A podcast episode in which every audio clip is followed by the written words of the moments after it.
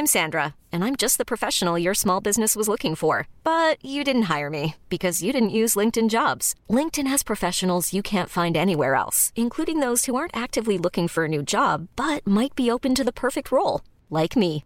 In a given month, over 70% of LinkedIn users don't visit other leading job sites. So if you're not looking on LinkedIn, you'll miss out on great candidates like Sandra. Start hiring professionals like a professional. Post your free job on linkedin.com/achieve today. Good morning Sweden. Hur är det att växa upp i en liten småstad på landet och flytta till New York, the Big Apple? Hur tar man den perfekta bilden på Henrik Lundqvist? Och är det ovala rummet verkligen ovalt? Du lyssnar på podden från Las Vegas där vi pratar om spännande saker från USA och om Sverige från ett utlandsperspektiv. Häng med!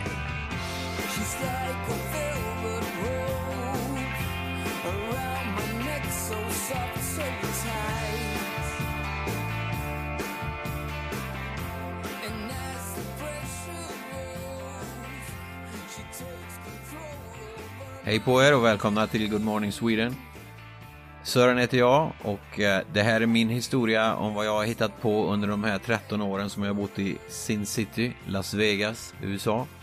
Jag har tänkt att jag ska dela med mig av mina historier från Las Vegas och eh, ni kommer få höra allt från maffia till bröllop till gambling till poker och nattklubbar och eh, ja, gud vet allt.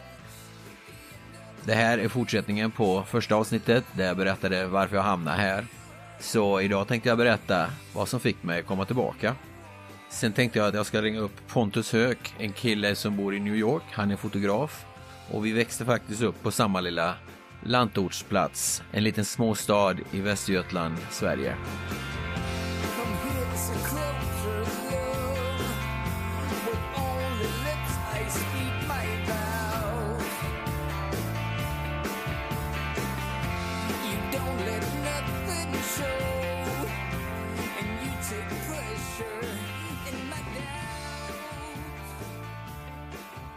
Jag och Ryan och hans blivande fru, vi åkte upp till Mammoth Mountain och åkte skidor. Vi hade väldigt, väldigt kul. Och en kväll på eh, afterskin så satt vi där och snackade och Ryan frågade lite vad jag jobbar med i Sverige och så vidare. Jag berättade om min säljutbildning jag hade på Canon och eh, han blev väldigt imponerad när han hörde om vilken säljteknik vi hade. Och han berättade att han höll på med någonting som heter timeshare. De tjänade enorma pengar, mellan 15 och 20 000 dollar per månad var standardlön. Och han tyckte, kom över och jobba för oss. Jag fixar ett jobb för dig.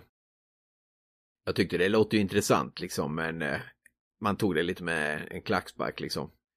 Vi hade väldigt trevligt där uppe i Mammoth Mountain.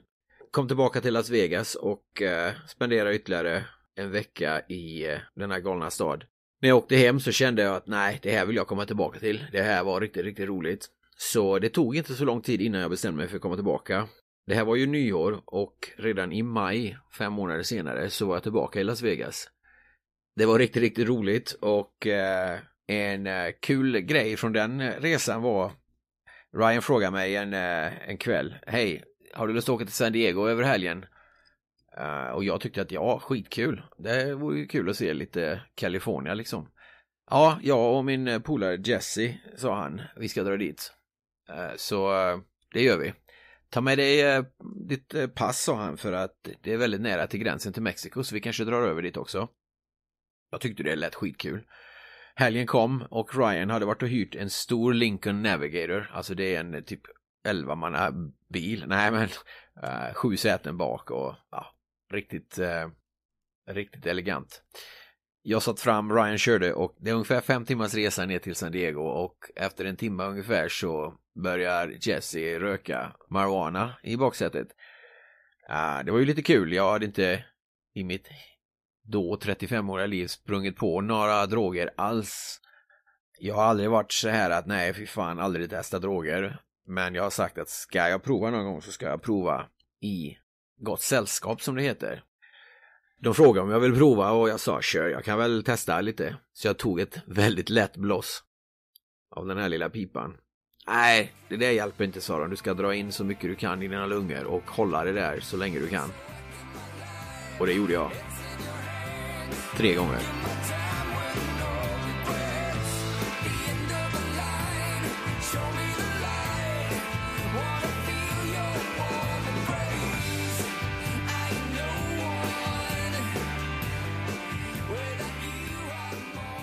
Uh, första gången jag tog marijuana blev alltså för mycket.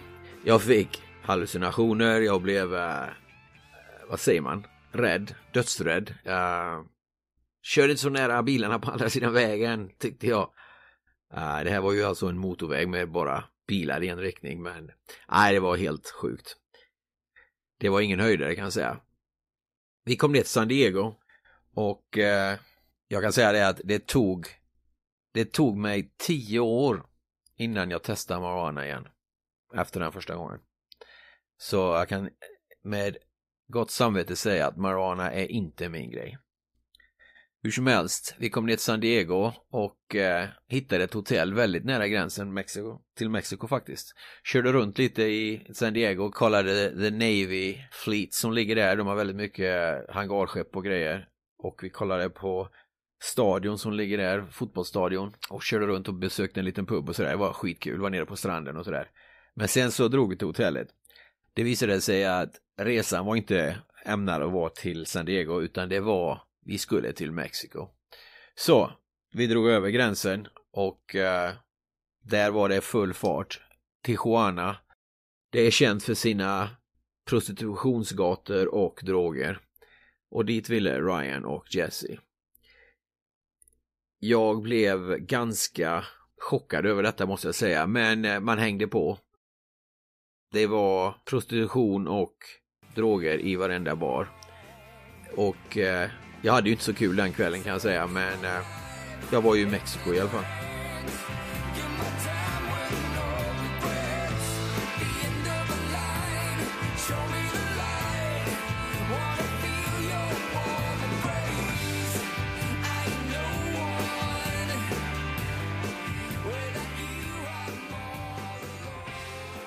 Så eh, mycket fick man vara med om på de där första resorna. Det visade sig också på den här andra gången jag kom till Vegas att Ryan, han hade en väldigt dålig sida. Han är eh, en eh, narcissist ute i fingerspetsarna. Funkar det inte som han vill så blir han sur och tvär och han visade sina true colors som det heter en kväll och eh, jag blev lite tveksam till om jag verkligen eh, ville åka dit igen och flytta dit för det hade jag faktiskt börjat prata om. Ryan hade lovat att han skulle fixa jobb till mig och hans företag skulle sponsra med grönt kort och så vidare. När han visade sin rätta sida så blev jag lite sådär att, ah, vi får se. Ah, jag behöver nog lite mer info först liksom. Hur som helst åkte jag till Sverige, eh, hade lite nya jobb och så på gång. Men 2006 så bestämde jag mig, nej, nu drar vi till USA. Hade slutat på Canon och jag var väldigt sugen på att göra någonting nytt. Jag beställde en fem veckors resa och åkte dit. Eh, hade en kompis med mig ett tag faktiskt, men eh, det var bestämt att jag ska dit, jag ska ta min säljlicens och jag ska fixa mitt gröna kort. Självklart visade det sig att Ryans ord var inte så mycket att lita på. Företagen kunde inte sponsra mig med grönt kort och så vidare så att eh, jag försökte på alla sätt och vis och komma på hur jag skulle fixa ett grönt kort så jag kunde flytta till Las Vegas och börja jobba. Nej, du måste gifta dig, sa de. Det funkar inte eh, om inte du gifter dig. Men jag sa det att jag flyttar ju inte hit och gifter mig liksom. Jag har ju det bra i Sverige. Jag flyr ju inget land liksom. Så nej, det är inget för mig liksom. Så det blev inget eh, mer där. Jag la ner det lite grann. Det var lite jobb på gång hemma och så som var intressant. Så jag så Vegas fick ligga på is ett tag. Två år senare, 2008, så, så hade mina vänner flyttat ut från Göteborg, de flesta, och, och skaffat barn och hus och så vidare. Och eh, jag började känna mig lite ensam i Göteborg. Och dessutom den tjejen som jag ville ha, ville inte ha mig, det klassiska. Så jag tänkte att nej, det här får vara. Nu drar jag till USA och ger det en sista chans. Jag beställde en två månadersresa och hyrde in mig i ett hus hos eh, min vän Jennifer som jag träffade första gången när jag var i Las Vegas. Jag åkte dit, provade allt igen med hur jag skulle göra för att få ett grönt kort och eh, blev till och med erbjuden falsk identitet. 200 dollar så hade jag fått ett falskt pass, falskt körkort och så vidare och ett nytt namn. Men det är inte jag. Folk som känner mig vet att det finns inte många som är mer ärlig än vad jag är och jag gillar inte brott och så vidare. Så nej, det vill jag inte göra. Och de tyckte, ja men då får du gifta dig då. Men jag ville ju inte göra det heller så att det var uppgivet faktiskt. Eh, men så en kväll när vi satt där och hade barbecue, jag och Oscar, en kille som är från Spanien faktiskt. Ja, vi blev väldigt bra kompisar i många år där. Han tyckte att när man frågar Jennifer, hon är ju din bästa vän liksom. Skriv på papperna och så gifter du dig och så, du kan ju fråga i alla fall. Och jag tänkte, jag ska se vad hon säger. Så jag gick hem och jag frågade Jennifer en fredagkväll. Hon sa det att, du jag har väntat på det här, sa hon. Jag visste att du skulle fråga. Men jag undrar varför du inte har gjort det förut liksom. Men eh, jag kan inte svara på om jag kan gifta mig med dig eller inte. För jag, jag vill ju hitta min man och gifta mig på riktigt. Och eh, jag måste kolla med min advokat om det funkar först. Så ge mig en vecka, sa hon. Sen ska jag ge dig ett besked. Så sju dagar, sen får du besked. Jaha, tyckte jag. Det var ju intressant. Den kvällen så gick jag ut med Ryan och Fabiana. Vi gick till ett ställe som heter Blue Martini. Och eh, vi har kul. Jag vet inte var Ryan och Fabiana tog vägen. och stod väl och bråkade någonstans. Men jag går till baren och ska köpa en drink. Och eh, när jag kom fram till baren så står det två tjejer där. Och jag tyckte den ena var väldigt intressant. Så jag började prata lite med dem. Och helt plötsligt så går hon. Jaha, tänkte jag, som vanligt. Äh, då säger den andra, du, du ska vara, prata mer med henne.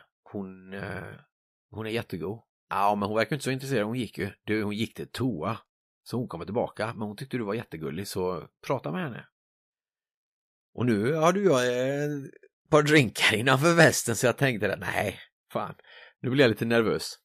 Så jag sa, jag ska bara ut och ta, eh, ta en cigarett på altanen så. Så jag gick ut. På vägen ut så trängde jag mig förbi baren, det var väldigt mycket folk där. Och det är en tjej som vänder sig om framför mig. Om ni har sett tv-serien Vänner med Joey så eh, vet ni vad jag menar. För att när den här tjejen vände sig om i baren så var min spontana uttryck bara Hey, how you doing? Den här tjejen började skratta och sa att vadå, vem är du? Nej, jag ska ut och ta en cigarett, ska du hänga med tyckte jag. Ja visst, hon hängde på. Jag fastnade där ute, jag gick aldrig tillbaka till den första baren där den här väldigt trevliga tjejen väntade. Utan jag fastnade ute på altanen med Michelle som hon hette. Nu ska jag berätta lite att Vegas är ju som många vet uppbyggt av maffian. På 40-50-talet så var det mycket maffiapengar som kom från New York, från Chicago och så vidare till Las Vegas och som finansierade de här kasinon vi har här. Självklart har du maffiabossen och du har hans närmaste män. Du hade Hitman som var ute och fixade när det inte blev som de ville. Och du hade något som heter Moneyman som eh, kom med pengar när det behövdes.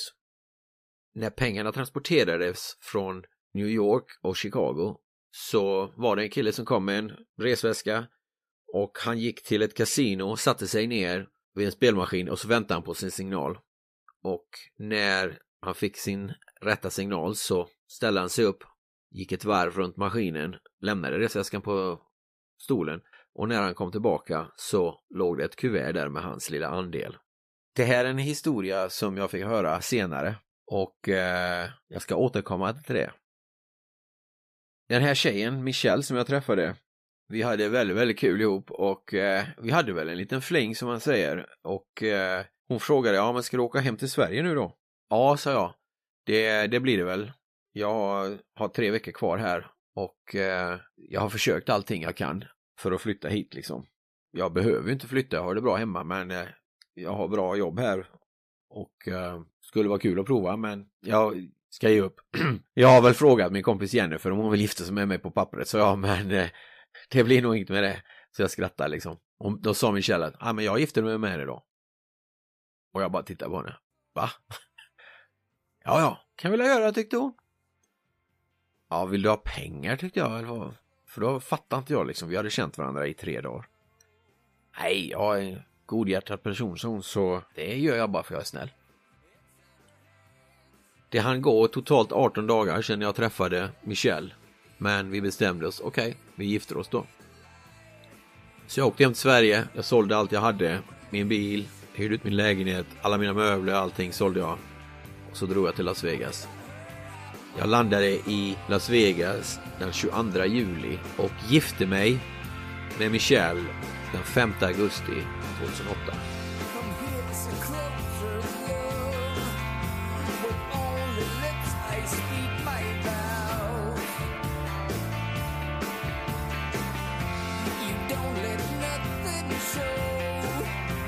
Nu ska man säga det att först en månad efter jag hade gift mig så ringde jag hem till min mamma och sa det att mamma sitter du ner? Ja, så vad har du hittat på nu? ja, sitter du ner? Jajamensan mamma. Ja, jag har gift mig. Du är inte riktig som mamma. Hur som helst, det började inte bra med Michelle och eh, hon visade också sin rätta sida. Men eh, man höll väl ihop det. En kväll när jag är ute och äter med Michelle och hennes pappa så berättar hennes pappa vad han gjorde när han växte upp. Han var moneyman i maffian. Och nu efter, när jag fick reda på att jag var gift med en maffiadotter, så ringde jag min kompis och sa det här, ja, sitter du ner? Ja, vadå då? ja, Michels pappa är med i maffian. Så, eh, ja, jag har väl kopplingar till maffian i USA. Jag hade, kanske man ska säga, för att mitt äktenskap med Michelle höll inte mer än i fem år. Men eh, man lärde sig ett och annat kan man säga. Det ska jag prata mer om framöver och jag ska också fortsätta att berätta galna historier från Las Vegas. Efter musiken så ska vi ta och ringa upp dagens gäst.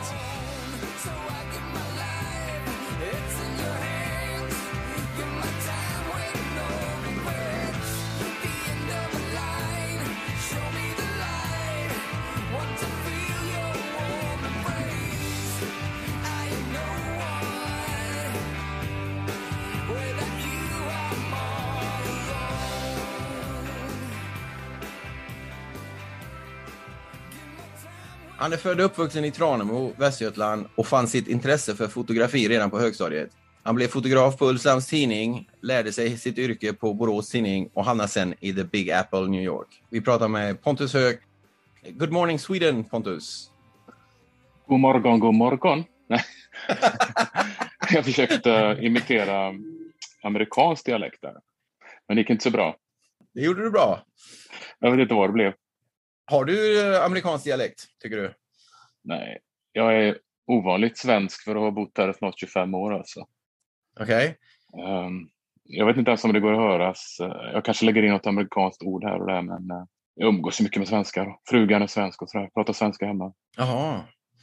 Hur är det med engelskan då? Jag brukar prata med mina gäster om de är, har svårt med svenskan, men har du svårt med engelska? När jag kom hit till USA så var jag otroligt dålig på det, men eh, jag känner ibland att det har med dagsformen att göra. Ibland så, kan det, så hittar man inte orden bara. Eh, och ibland så känner jag att jag får tänka mycket. Eh, Det faller sig inte lika eh, enkelt som svenskan. Så det är en lång period man har haft för att inte vara 100% på engelska. Okay. Du är ju fotograf så du kanske inte pratar lika mycket med de du möter på jobbet. För du jobbar ju med kameran så att säga. Ja, fast egentligen vad jag lärt mig, det viktigaste är egentligen den biten, hur man connectar med dem och fotograferar, mer än något annat. Så att jo, det gör jag ju. Eh, Du bor i New York. Det är en ganska stor kontrast från eh, lilla Tranemo, där vi båda växte upp faktiskt. Hur känns det? Ja, det, om, om någon hade sagt till mig när jag bodde i Tranemo att en dag så ska du flytta till New York och du ska bo där i mer än 25 år. Det, fan, det fanns inte i min sinnesvärld alltså. Det, nej, jag skulle inte trott dem. Överhuvudtaget inte. Det är faktiskt väldigt olikt mig att ha flyttat hit. Det är liksom inte min personlighet, eller var inte åtminstone. Mm. Jag var en liten bondpajk från Tranemo som av olika tillfälligheter hamnade här i New York. Men det är jag ju glad för. Det har ju gjort mig till den jag är idag. Liksom. Ja. Det är en stor del av mig nu, New York. Ja, jag är väldigt nyfiken på dig och din eh, karriär och din livsstory så att säga. Hur, eh, om vi går tillbaka då till högstadiet där, så hittade du en kamera och började med fotografi. Hur kom det sig? Det var mer att eh, man hade möjlighet att välja på tema FA så kunde man välja fotografi. Och, och jag hade redan där fått upp ögonen för det lite. Så det gjorde jag det. Det jag tyckte var roligt då var ju att på lektionstid att man kunde gå ner till Tranemo centrum och ta bilder på vad man ville. Mm. Och sen gå till mörkrummet då, och, och se det magiska med att eh, se, en bild liksom, framkallas framför ögonen i framkallningsvätskan. Det var, det var något speciellt. Tekniken har utvecklats lite sedan dess, men du började alltså med att framställa dina fotografier själv. Ja, men sen när det digitala kom så bytte jag till det och sen så kom jag aldrig tillbaka, utan det var det som gällde. Det, under en period, att vara fotograf, då var det så mycket annat man behövde veta. Inte bara ta bilder, liksom, utan man skulle lära sig att framkalla, man skulle lära sig hur man skannar det och man skulle ha råd med all utrustningen. Och nu använder ju folk mobiltelefon Ja. väldigt lätt. Så de kan posta på, typ på några sekunder. Är jobbet lite enklare idag med andra ord? Då? Ja, om man ser till allt runt omkring så är det ju det. Men samtidigt nu så kör man ju video med och ibland så vill man ha någon eh, studioblick med. Så de hackar på sig mer utrustning gör man ju ändå. I alla fall jämfört med när jag jobbar på Borås Tidning. Mm. Eh, för video, det vill de nästan alltid ha nu för tiden. Det är ju typ, typ en till väska bara med prylar Mm. som de måste ha med sig. De vill ju ha inslag ibland eller bara, ibland rena ståuppor sådär som journalister står och pratar.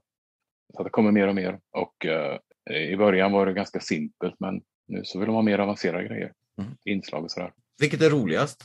Ta ett riktigt bra foto eller göra en riktigt bra videoklipp? Grejen är att oftast får vi göra det samtidigt. eh, Så att man kan liksom inte fokusera allt på en grej. Okej. Så ibland kan man känna att det blir varken hackat eller malet.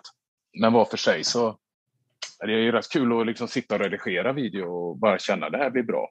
Du vet, eh, man får rätt musik eller man redigerar något. Det bara känns bra. Liksom. Mm. Men ehm, det finns ju inget som går upp mot att ta en bild liksom, som sitter. Ja, det, jag tycker det är roligare att vara ute på fältet än att sitta och ta fram bilderna. Jag vet inte varför. Det är något som hängt med mig länge nu. Du börjar med eh, fotografi då på eh, fria aktiviteter i skolan. Gick du sen på speciell gymnasieutbildning för fotografi eller? Nej, så som det föll sig då så behöver man ha bra, väldigt bra betyg för att komma in på de här skolorna. Och jag hade ett speciellt bra betyg.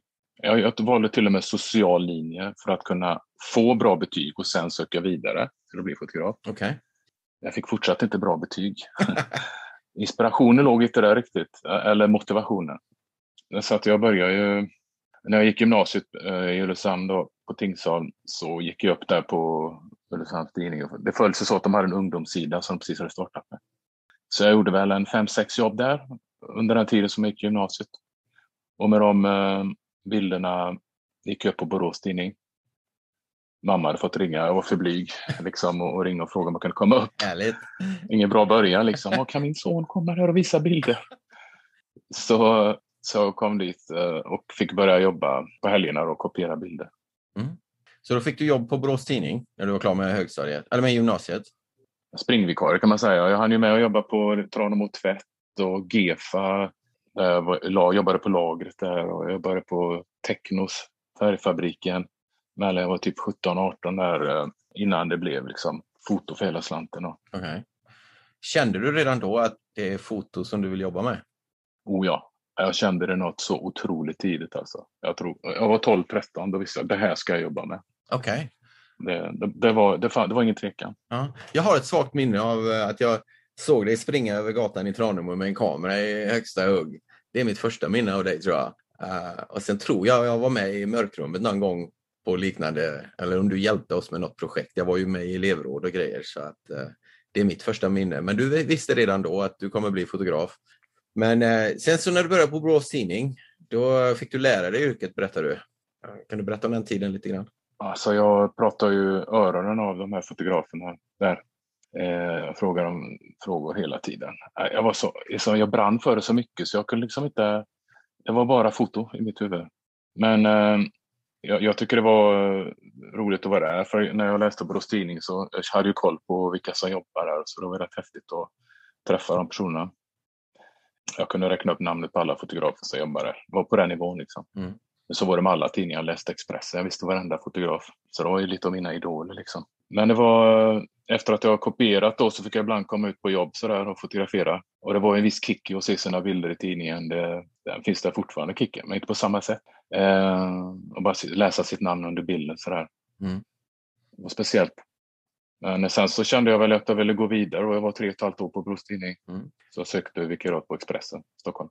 Okej. Kommer du ihåg några roliga jobb du hade på Borås Tidning? Några roliga incidenter? Eh, nej, jag kan bara säga att det började inte så bra på Borås Tidning för att eh, jag tog tåget dit eh, första dagen och skulle jobba. Åkte åt fel håll, håll hamnade i Värnamo. då var jag inte så glad. Så jag kom dit för sent då. Eh, och sen när jag skulle framkalla då, så hade de två framkallningstankar så jag dubbelframkallade bilderna. Så det såg förjävligt ut. Men jag fick fortsätta av någon outgrundlig anledning. Jag fick lära ut systemet kan man säga då. Underbar start med andra ord. Ja, Ja, jag hade ju ett journalistintresse själv när jag var tonåring. Jag var mest intresserad av sport och sportjournalistik. Hade du någon eh, inriktning av fotografi, att du ville fotografera natur eller sport eller vad var din eh, grej? Nej, egentligen inte. Jag var bara glad om jag fick komma ut och fota något. Ibland så kunde jag ju följa med fotografen ut eh, på eget bevåg och ta bilder eh, på, på, på fotboll eller på sporter. Och eh, ibland så råkade jag få någon bättre bild än vad de fick eller någon som passade storyn bättre. Så då kom min bild in. Det var ju inte så populärt bland fotograferna kan jag tänka mig. Men det var ett sätt som jag liksom gjorde för att få in, få in bilder i tidningen. Nu så fotar jag inte så mycket sport. Eller det är ju mycket under bildbyrå och sådär. Men om jag fotar någon sport så är det ju hockey och New York Rangers och sådär. Men det har inte varit så mycket i och med pandemin. Förhoppningsvis är man tillbaka och gör det eh, snart igen.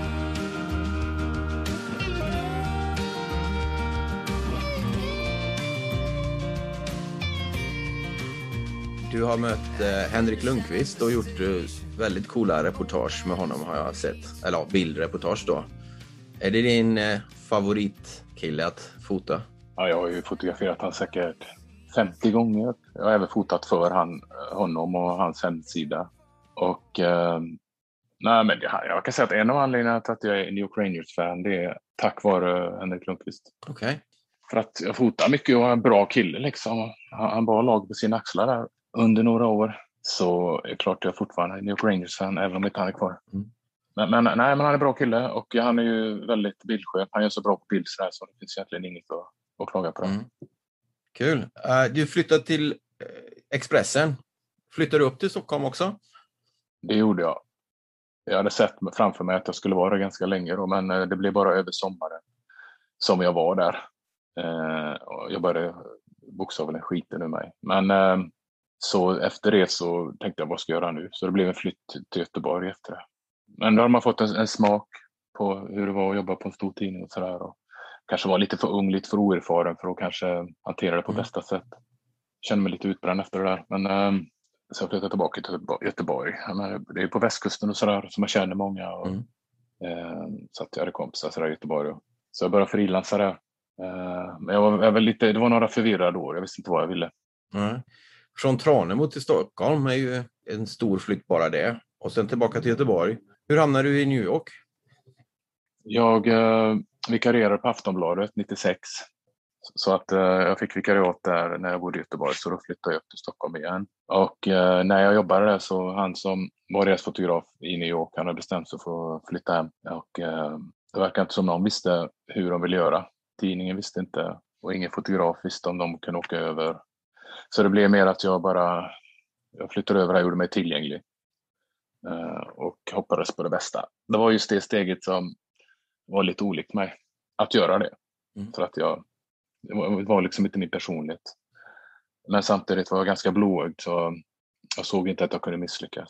När man pratar om USA och Sverige så är just en av de stora problemen det är att få grönt kort och kunna flytta till USA. Men det var jobbet som fixade det åt dig, förstår jag då.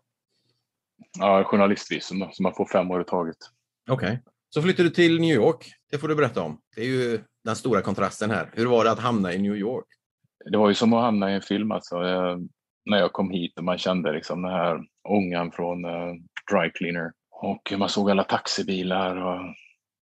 Det var först då jag, jag fattade som att jag hade sett många filmer som var inspelade i New York. Jag hade liksom inte tänkt så mycket på det förut, var det var någonstans. Okej. Men det var ju först när man kom hit som man fattade att, jaha, Det är så det ser ut. det här var inspelat? Ja. Ja, men så att eh, det var ju, allt var ju väldigt stort och imponerande sådär. Ehm, jag var ju 25 år gammal då. Det tyckte jag var gammalt då, men kanske inte nu. Hur, bor man när man eh, flyttar över så? De fixar en lägenhet till dig och Oh nej, oh nej. Alltså, jag var ju frilansare och eh, så jag hade fixat boende jag var roommate med, med en kille. eh, för enda gången jag varit där. Det är inte riktigt min cup of tea. Men det var första, första tre månaderna och sen så fixade jag boende i Midtown då. En studio. Det är, man får inte mycket för pengarna alltså. Nej. En studio är som i princip ett, ett rum. Ja. Och det var alltid väldigt högljutt där. Och eh, jag fattar inte. Jag kom på det när jag flyttade därifrån fem år senare att eh, jag hade inte sovit bra på fem år. För de hade, det var polisstationer, det var brandstation, de hade ett stort garage där det ofta tutades och höll på. Och jag hörde trafiken och du vet, att jag inte fick för mig att ta på mig öronproppar, det fattar jag inte ens idag. Det är roligt att du nämner det med att bo nära en brandstation, för det gör jag själv. 200 meter utanför här och de kommer ju förbi ett par gånger om dagen. Och eh, man har vant sig. Men ibland om jag går ut på balkongen eller så, så blir man ju ganska trött på att det är så högt ljud hela tiden och bo mitt i en korsning. Liksom. Och jag kan ju tänka mig då hur det är i New York, det är ju ännu mer än vad det är här kan jag tänka mig. Så att, eh, Och då var jag ändå inte så liksom, eh, känslig för ljud. Jag var otroligt okänslig för ljud på den tiden. Alltså. Mm. Men nu när man blir äldre, då, man blir ju en gammal gubbe. Liksom. Nu är jag känslig för ljud. okej. Det krävs inte mycket. Är du äldre än mig? Eh, bra fråga. När fyller du? April? Eh, jag fyller september. Ja, då är du ju ung. Då, då är du inte gammal än.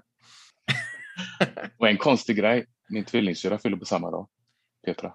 Det är ju, Konstigt. det är ju rätt, så, rätt konstigt faktiskt. Ja. Jag tänkte nämna det faktiskt. Du har ju en tvillingsyster där. Mm. Och eh, hon har ju också varit driftig. Det kom väl kanske från din mamma där. Hon hade sin eh, skönhetssalong och sen drev din syster Petra den. Och du drar iväg till New York. Är det en driftig familj? Höök-familjen? Ja, men jag bara känner det där vi, alla vi barn liksom, gör saker vi brinner för. Eller...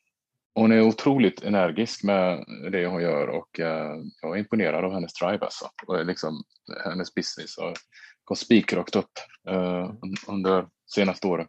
Så ja, det är kul att se.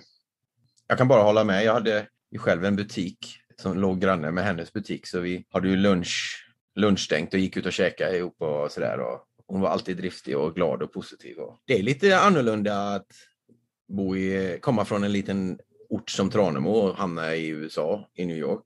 Och jag har Martin Linde här på en annan eh, poddavsnitt. Så vi är ju tre killar i samma ålder. En annan Tranebobo. Eh, Mm. Och det är en liten kontrast. Men New York, om du säljer in New York till eh, en kille som mig som aldrig har varit i New York. Jag har övernattat en natt i Queens när jag väntar på ett flyg. Det är så mycket som jag vet om New York. Mm. Hur skulle du sälja in New York till mig? Varför ska jag åka dit? Jag kan säga att du såg ju inte det bästa av New York där, kan jag säga, i Queens. Eh, men uh, i och för sig, det är ju bra på sitt sätt. Men alltså, bara att komma in här på Manhattan så, så, så känner man att det är speciellt. Uh, människorna, energin och allt sånt där. Och, eh, vad jag brukar rekommendera många, och vad många gör, det är att bara promenera omkring. Det är, man kan gå över hela Manhattan och, och beta grejer. Man hinner med mer grejer än man tror, bara på en, två dagar. Eh, utan någon större planering egentligen. Men vad gör man då? Är det, inte, är det bara en massa affärer? Eh, Vad, vad, vad ska man se?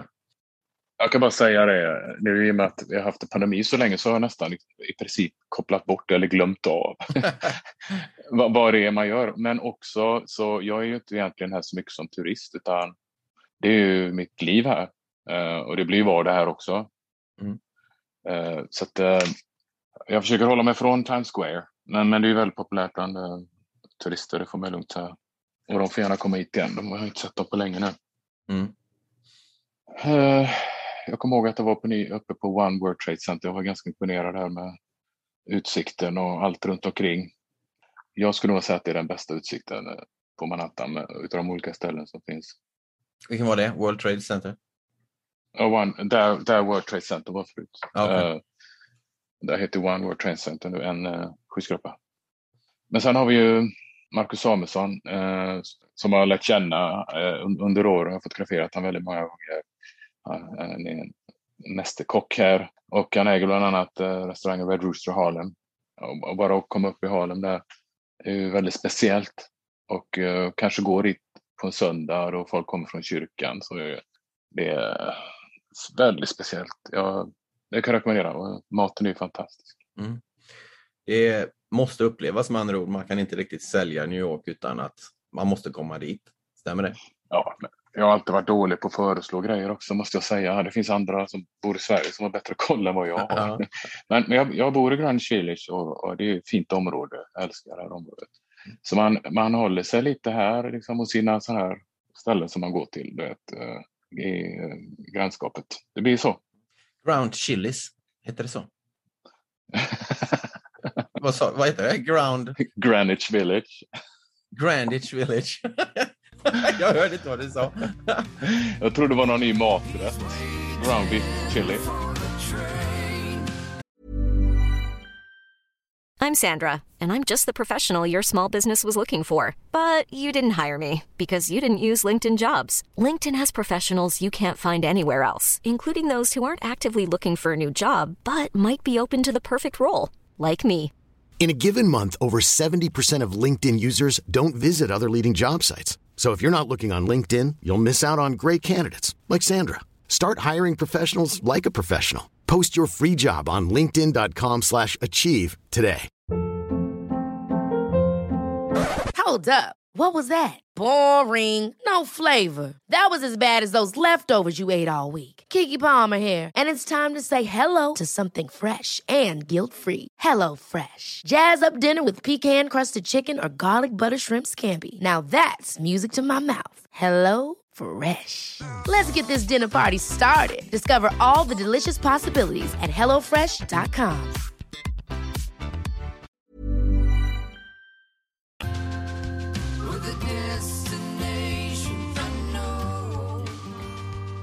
Du nämnde pandemin. New York var en av de städer som blev väldigt hårt drabbade när, när pandemin slog till. Hur var det att vara i New York när ni började stänga ner och folk började dö hej vilt? Kan du berätta? Nej, det var ju, det var ju eh, otroligt olustigt faktiskt. Den där ovissheten var ju jobbigast. Av någon anledning så trodde jag att pandemin skulle ha ett tydligt avslut. Nu är det över, nu kan vi börja gå ut som vanligt igen. Men så var det inte. Det bara höll på, höll på, höll på, håller fortfarande på.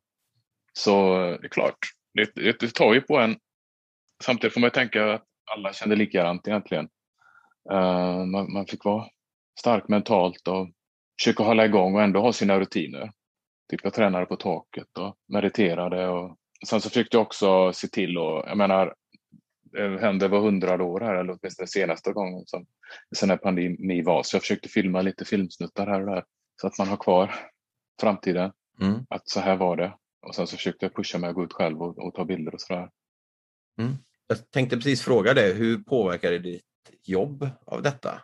Jag hade ju turen att eh, jag sysslar med den typen av fotografering som, som skulle ut och liksom ta bilder på det här. Med fotojournalism och liksom, eller något sånt som är in the news så att säga. Mm. Så att eh, det finns ju andra typer av fotografer som har det mycket svårare.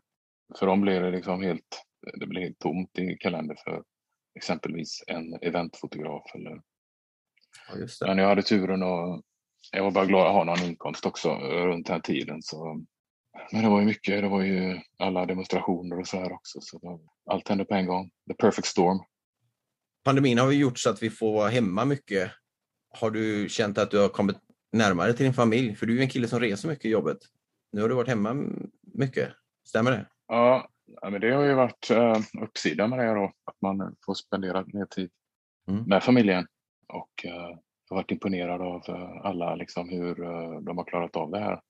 Speciellt barnen. Man kan ju inte ta för givet att, att det ska vara lätt för dem. De har ju studerat hemifrån och sådär. Och, ja, nej, det har varit, jag är imponerad över, över både Ivy och Alicia. Jag menar, eh, de är 9 och 14. Och det är ju, i den åldern, det, var, det, är liksom inte lätt. Ja. Och sen då gå igenom en pandemi då. Så, så eh, ja, jag jag är glad och jag är stolt över att de klarar av det så bra. Jättekul. Samtidigt så har du ju då fått åka runt på eh, protester i USA och det har varit politiska val och, och så vidare. Så att du, du har fått fortsätta jobba som förr nästan. Kanske till och med mer. Ja, det har gått i vågor. Vissa perioder fick man verkligen ligga i och att, det, att man skulle få uppdrag. Men andra gånger så var man ute och reste typ en vecka. Och sådär. Så I det stora hela så har det varit som ett vanligt år. Det var bara att då, och det gäller inkomst och sådär. Det var bara att man fick eh, mycket annat på köpet. Det var ett ovanligt år. Mm. Det kan man säga. Var det vanligt. När vi pratar om pandemin så måste vi ju nämna lite om Sverige. Nu har de problem med pandemin hemma i Sverige. Hur tittar du på familj och vänner hemma? Känner du att eh, Sverige har skött det bra? Jag är kluven där, men för att just det här med vaccineringen så såg det ut som att eh, Sverige var på efterkälke. Men med, nu lite med facit i hand så folk i min ålder blev vaccinerade en månad efter mig egentligen i Sverige. Så på ett sätt så har de ju catchat upp där. Men, men jag vet att det stora, i det stora hela så tycker väl folk att, att det har misslyckats eh, hur de har hanterat det. Jag tycker det är så mycket upp och ner och fram och tillbaka hela tiden så jag har egentligen slutat fokusera på det så mycket. Eh, jag är bara glad att, eh, att min pappa som är 81 har fått vaccinerat sig. Och jag är också glad att de har fått igång det så att folk, jag tror det är 71 nu som får vaccinera sig, som, som du och jag. Då. Så det, jag är bara glad för det, att, att, jag, att, att jag rullar på så. Mm. Har du varit ute och ätit på restaurang nu då, när man kan gå ut igen? Ja, det har jag. Men det är ändå inte riktigt samma, känns det som. Eh, Det känns som att en del kan inte vänta och komma ut och jag är tvärtom. Kanske är jag lite försiktig sådär. Men eh, pandemin eh, fick mig och eh, jag tänkte så här att jag måste vara fokuserad, jag måste vara hälsosam, skärpt genom den här pandemin, egentligen för att jag ska klara av det. Så att eh, jag, jag drack ingenting förra året. Jag har fortsatt så. Eh, när jag går på restaurang, det var så förknippat för mig att ta några öl och sådär. Och nu när jag inte gör det så tycker jag inte det är riktigt lika roligt längre. Nej. Så jag har inte känt det där suget att "Ah, jag måste ut, ah, jag måste ut, jag måste gå på restaurang. Lite konstigt. Inget ont om inte det har något gott med sig, säger man ju ibland. Nej, precis.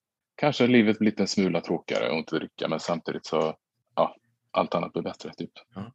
Nu ska man eh, nämna här att jag sitter och tittar på ett Zoom-samtal med Pontus och han är mer vältränad än någonsin. Eh, han har blivit en riktig biff, måste jag säga. Eh, det kanske är Henrik Lundqvist som har påverkat det lite där att vara tränad och, och hälsosam.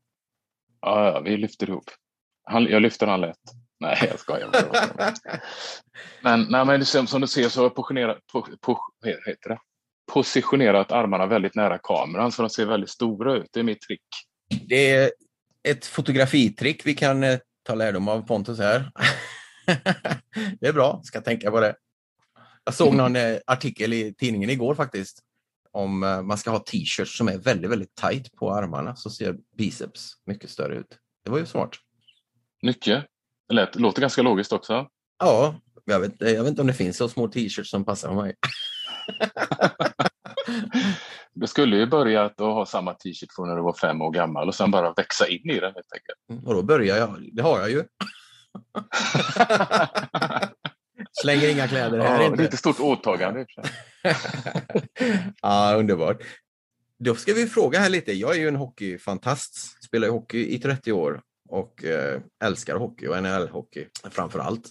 Henrik Lundqvist eh, fick ju hjärtproblem här när han gick till eh, Washington.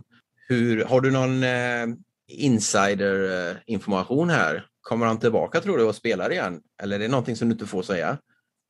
Jag tror inte han vet det själv faktiskt ännu. För att eh, man trodde ju ett tag att han skulle spela slutet av säsongen här med Washington Capitals. Men eh, han hade väl fått en liten, eh, inte infektion, vad heter det? Inflammation. Så att eh, efter operationen. Så, men jag skulle så mycket önska honom att vinna Stanley Cup. Alltså, Ja. Han är värd det. Eh, de var ju så nära 2014 där, eh, när de gick till final. Nej, men det skulle vara helt fantastiskt för hans skull. Han har ju tagit SM, VM, OS. Jag tror det enda han saknar här. Så ingen skulle bli gladare än jag om, om han spelar i Capitals nästa säsong. Nej. Eh, Rangers kommer han inte tillbaka till, tror du? Nej, nej jag tror inte.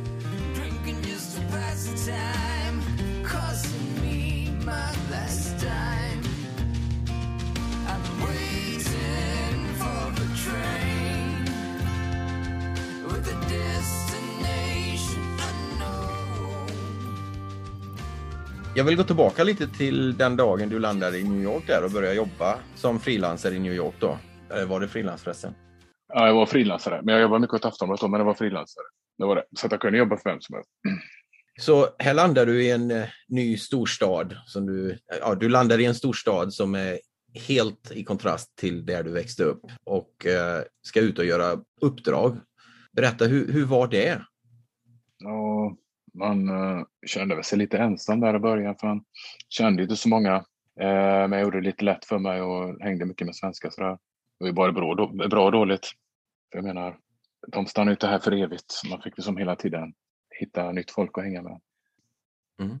Du är gift och har två barn, men du är gift med en svensk tjej. Träffade du henne i New York eller? Ja, jag gjorde det. Jag flög hela vägen till New York för att träffa min fru.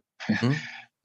Kommer från eh, och vi träffades på, hör och häpna, midsommar.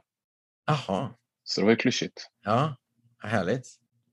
Men sen började du åka ut i stora USA och göra jobb också. Var det spännande? Ja, allt var ju så nytt eh, liksom. Och komma till en ny stat så där hela tiden. Och det är en lite, tävling mellan journalister och fotografer här, hur många stater man har varit i. Okej, Hur många har du varit i? Eh, 49. Ah, du har En kvar. Vilken är kvar? Hawaii. Där har jag varit. Alltså, Ja, rub it in. ja.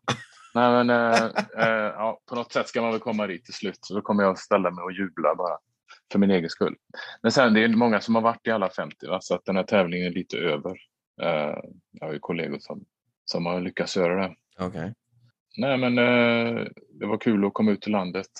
Och man märkte kontrasten mot New York. Det var ju väldigt olika. Vilken stad tycker du är roligast att åka och besöka? Ja, man gillar ju Florida. För Florida Florida. Med värmen och allt det där. Där har varit väldigt mycket också. Sen är Kalifornien trevligt. Vi har väldigt varmt i Vegas. ja, Vegas är bra, men sen samtidigt, jag har svårt att eh, intala mig att den här illusionen är riktig. Jag ser det lite för vad det är. Mm. Men jag har är det kompisar sådär som sväljer det med hull och hår. Jag, jag tror de älskar att vara i den lite, du vet, låtsasvärlden.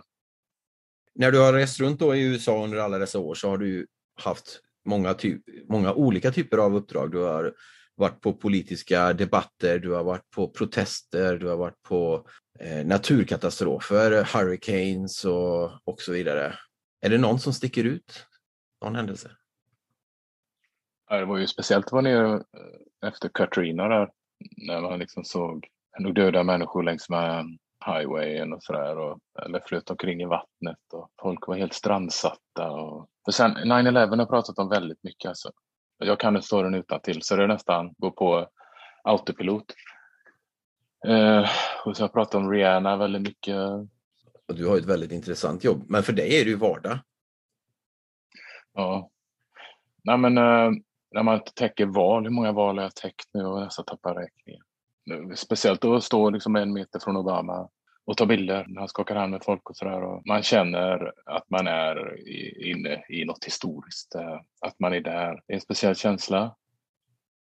Folk som man bara ser på tv eller på bilder annars. Där står jag och tar just de bilderna. Det, är- det är speciellt. Känner du någon gång att du vill stå framför kameran och prata med eh, intervjuobjektet så att säga, som journalist gör?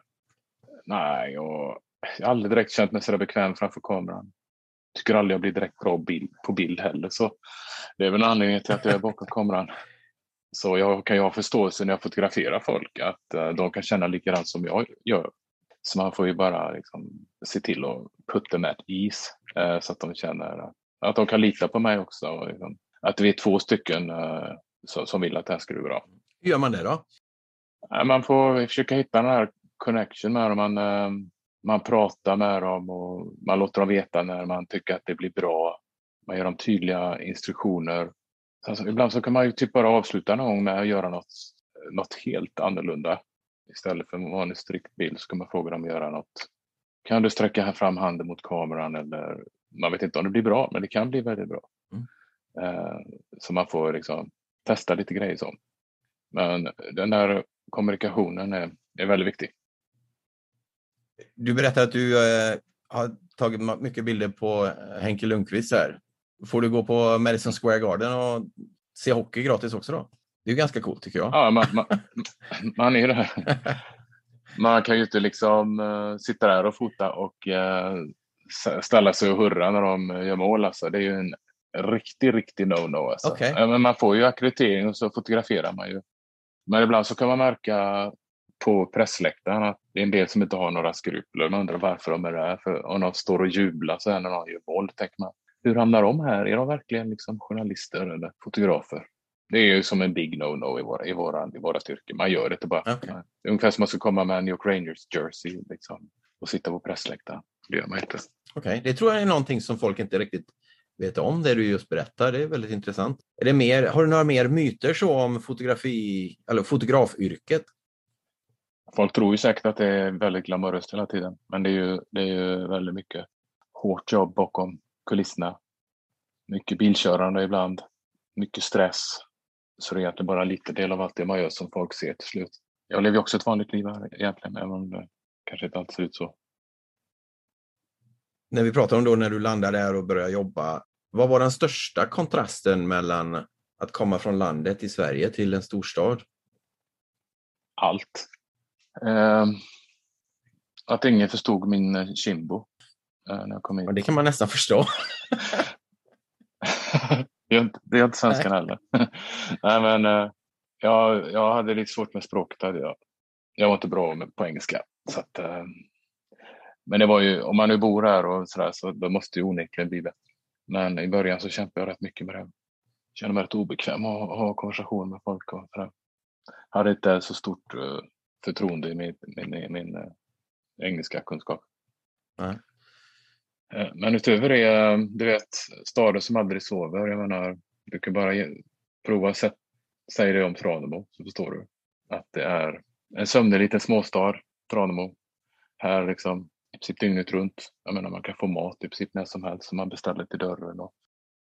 Sen också, jag menar, i det området vi bor är ganska många kändisar som bor här. Jag mötte, vid något tillfälle mötte jag Jul- Julianne Moore eh, precis utanför vår byggnad. Och Yoko Ono har också gått förbi här när, när frugan har varit ute. Och ett kvarter härifrån så, så var John Bon Jovi, han gjorde tummen upp till våran dotter när hon sjöng en, en låt. Okej. Och det där, det där, det där hände, hände ute i Tranemo direkt. När jag kollade på Louis CK, han hade någon serie på Netflix och helt plötsligt så går han förbi våran byggnad bara och går in i byggnaden bredvid. Okej. Det är, så här, det är lite Mm. kul, men eh, ja, nej, det hände aldrig. Tranemo. Blir man starstruck som fotograf? Eller blir man mätt på kändisar? Ja, det, det är väl en viss mättnad. Det måste vara något väldigt, väldigt, väldigt speciellt om man, om man ska bli starstruck. Men eh, jag tycker inte det är så professionellt att visa det heller om man skulle bli det. Eh, utan man är ju där för att göra sitt jobb. Vem är den häftigaste kändis du har mött? Vad heter han nu då? Eh, han, har, han, har, han, har verkligen, eh, han har verkligen star quality. Man märker det när man träffar honom. Brad, Brad, Bradley Cooper. Bradley Okej. Cooper. Det var väl när jag träffade Bradley Cooper då. Eh, som var speciellt för man märker, och det tog jag en bild eh, på, jag lät något ta en bild på honom och mig. Eh, men han har ju sån star quality. Eh, man märker det, man, att vissa bara har det. Eh, han förstår varför de har blivit så framgångsrika. De har någon, någon typ av utstrålning. Att stå en meter ifrån Obama är ju ganska häftigt också. Ja, det var det ju. Världens mäktigaste man. På den tiden. Ja, det var speciellt. Väldigt speciellt. Ja, vissa, vissa sådana minnen har satt sig. Men det är ju också någonting som du säkert har märkt att eh, de är människor också. Precis som du nämner Henrik Lundqvist då, som du umgås med och tränar ihop med. att eh, de är ju människor också. Ja, man märker det. Speciellt om man får möjlighet att spendera lite längre tid med någon känd människa så blir det ganska avdramatiserat efter ett tag. Och så har du varit i ovala rummet. Ja, det har väl varit fyra, fem gånger. Okej, Eh, vem var president då? första gången var det George Washington. Nej, men det var eh, George W. Han är gammal den här killen Pontus. George W. Bush tror jag det var. Och, eh, så det var en gång och sen var det Obama några gånger och Trump också. Första gången jag var där, det gick så otroligt snabbt och var mer fokuserad på liksom, hur ska, vad ska jag stå, hur ska jag ta de här bilderna. Men sen eftersom jag varit där så många gånger så har jag tagit mig tid att titta runt, liksom, hur det ser ut. Och, ja, det ser ut som man har sett på tv och det är faktiskt runt. Ja, jag skulle precis fråga, är det ovalt? Ja, ja jo, det är det. Så det är svårt att ställa sig i hörnet, även om man vill. Ja, spring och ställ dig i hörnet kanske de säger. Så. Bra träning. runt, runt, runt springer man. Ja. Trump är ju en eh, hyfsat känd person på många sätt genom sin presidenttitel och sin udda personlighet. Hur var det att träffa honom? Ja, i början sådär när han började och ran for president. Jag har aldrig kommit på hur man utsätter det på svenska. Men eh, det var ingen direkt som tog honom på allvar sådär. Han var ju lite av en, det var ju en reality show liksom. Men jag har ju träffat honom några gånger innan han ens började med det. Han släppte en bok som den skulle släppas i Sverige så då var vi några svensk media som fick komma hit. Och eh, vad jag märkte då var att eh, han hade en av och på-knapp med sitt dollargrin. Liksom. Så fort kamerorna var på då var det stort brett dollargrin. Men när de var av då var han en sur gubbe. Liksom. Något som jag är nyfiken på också Pontus är, eh, nu har du en svensk fru, men hur går det för dig att behålla svenska traditioner när man bor i New York? Jag försöker i möjligaste mån. Alltså, påsk är ingen stor, eh, det är liksom, det är en högtid som inte betyder någonting för mig. Nej, men jag, den går obemärkt förbi. Men, men uh, midsommar är viktigt och uh, jul och tycker det är viktigt att få rätt mat och så. Hur många julklappar vill du ha? Ja, i min ålder så får man väl knappt några. Hur firar man midsommar i New York? De har ju stor, uh, stort firande nere i uh, Battery Park. Där det normalt sett är tusentals eh, som firar och en, en, en majstång och allting. Men eh, när jag kom hit, det var ju innan social media och allting, då var det ju ganska normal storlek. Det var inte för, eh, liksom, för crowded. Men eh, sen så har det blivit nästan för mycket och så ska folk liksom ta Instagram-bilder. Och, så det blir typ som en happening istället än, än att liksom fira midsommar. Men nu då så var det ingenting förra året och jag tror inte det blir något nu igen då. Det skulle vara i så fall om drygt, drygt en månad. Ja. Men eh, det brukar vara några stycken som samlas vid eh, Hudson River. Några svenskar. Så bygger vi vår egen lilla majstång och så umgås bara. Eller? Ja, men på något sätt så har det blivit viktigt. Eh, mycket svenska grejer har blivit viktigt. Inte alla, men många. Saknar du Sverige? Ja, ibland. Eh, Jag kan sakna eller gräma mig att jag missar lite det här med att syskonbarn och så växte upp.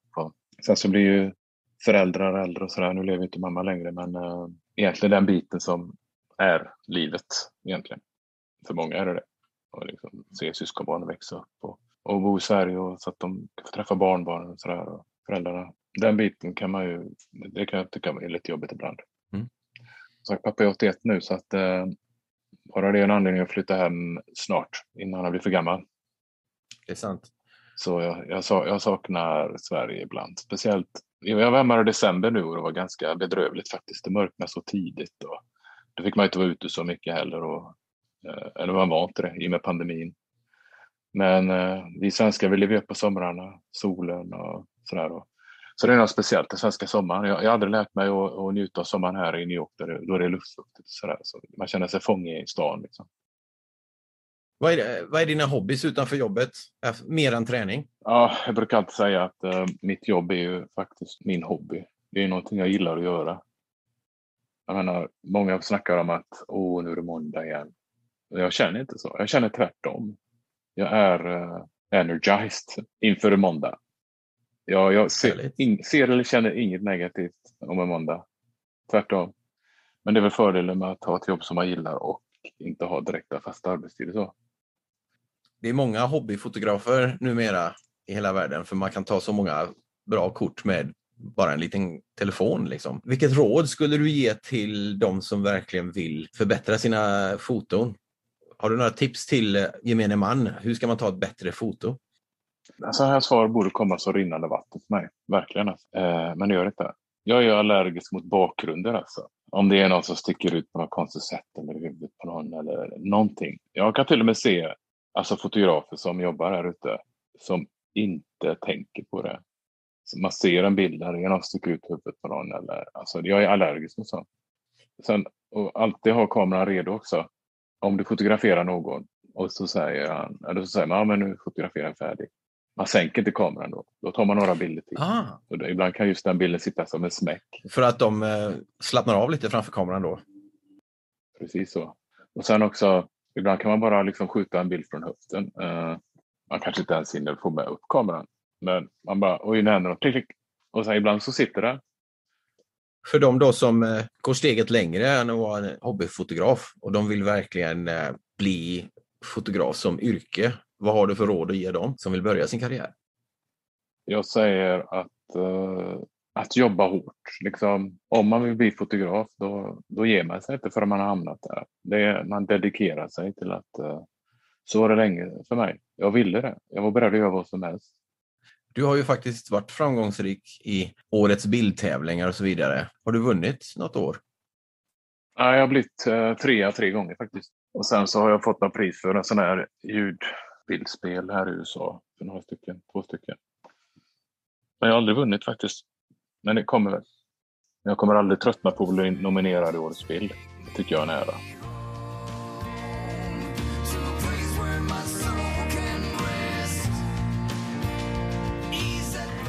Har du någon riktig favoritbild så som är den bilden?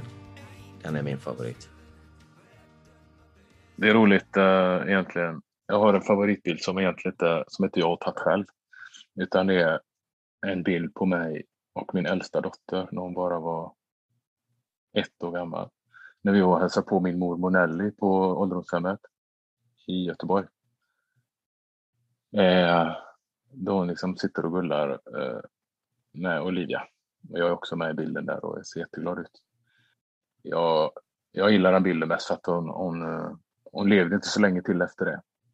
Och det var det är bara fint att ha en sån bild. Så konstigt nog, det är min favoritbild. Okej.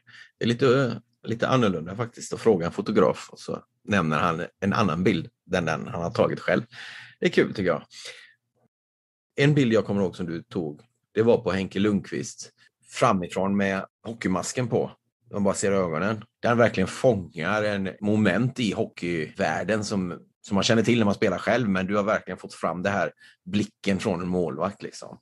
Vet du vilken bild jag pratar om kanske? Ja, det är jag absolut. Jag tog vi på hans restaurang. Okej, så det var inte ens på isen? Nej, Det var häftigt. utan, utan jag, jag ägnade en hel dag och tog bilder på honom. eh, Och många bilder som hamnade på hans webbsida sen då. Men då hade han med sig sin hjälm där. och- Så det var några bilder vi tog. Den har han använt mycket. Jag tror han hade det på sin, sitt Twitter-account ett tag. Den här hjälmbilden. Sen var den också omslag på Sportbladet faktiskt för något tillfälle. Eller Sport. Sportbibel. Sport. Ja, Sportbibeln var det nog. Ja. Så eh, nej, men då kunde jag komma riktigt nära. Han ville ju att det skulle bli bra så att han gav mig tiden. Mm. Sådana är inte alla, alla hockeyspelare kan jag säga. Vad gör Pontus Höök om fem år? Bra fråga. Jag vet inte om jag kommer vara kvar här eller inte då. Jag vet inte. Jag kommer ihåg en intervju jag gjorde 2008 eller 2009 på Brostini. Då trodde jag att det är fyra och fem, till fem år eh, till i mig. Mm. Men eh, det blev ju typ 12-13 år till. And still going strong. Ja. Så att eh, man vet aldrig. Den som lever får se. Vad driver dig idag att fortsätta med fotografiyrket? Det blir väl eh, att man vill vara bäst. Att eh, bara pusha på. Stånga huvudet i väggen och inte ge upp. Man kan alltid göra någonting lite mer för att bilden ska bli bättre eller reportaget. Så är det väl lite också. I och med att man blir äldre så känner man att man måste pusha på lite hårdare också. Så att man inte sätter sig till ro. Mm. Eh, Och jag är glad så länge jag känner det också. Eh, Men liksom det här, det här eh, excitement för mitt jobb och att jag fortfarande vill liksom kämpa och att det ska bli bra sådär. Tappar jag det då, då vet jag inte. Så jag är bara glad att det fortfarande finns där. Om du kunde gå tillbaka i tiden till en ung Pontus och ge dig själv ett råd inom fotografyrket då? Vad skulle det rådet vara? Ta tåget åt rätt håll. eh, Första jobbet på dagen.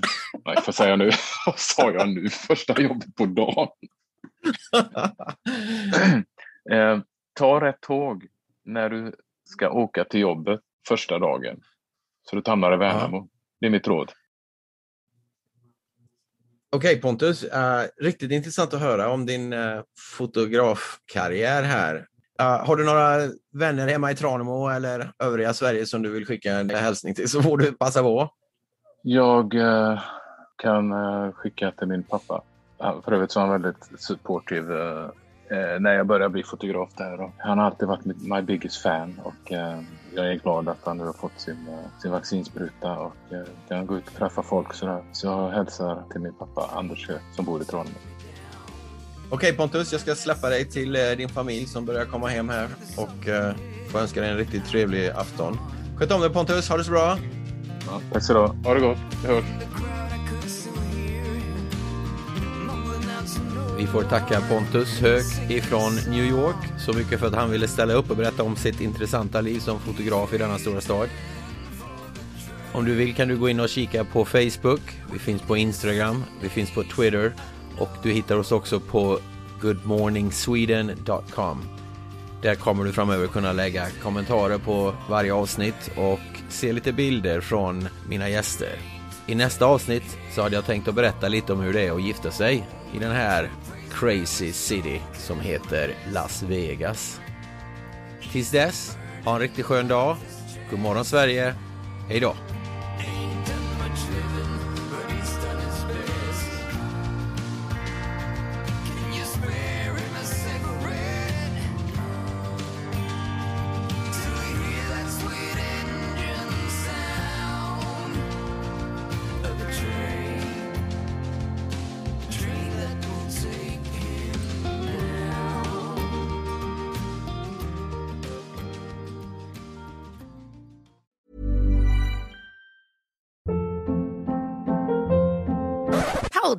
What was that? Boring. No flavor. That was as bad as those leftovers you ate all week. Kiki Palmer here, and it's time to say hello to something fresh and guilt-free. Hello Fresh. Jazz up dinner with pecan-crusted chicken or garlic butter shrimp scampi. Now that's music to my mouth. Hello Fresh. Let's get this dinner party started. Discover all the delicious possibilities at hellofresh.com.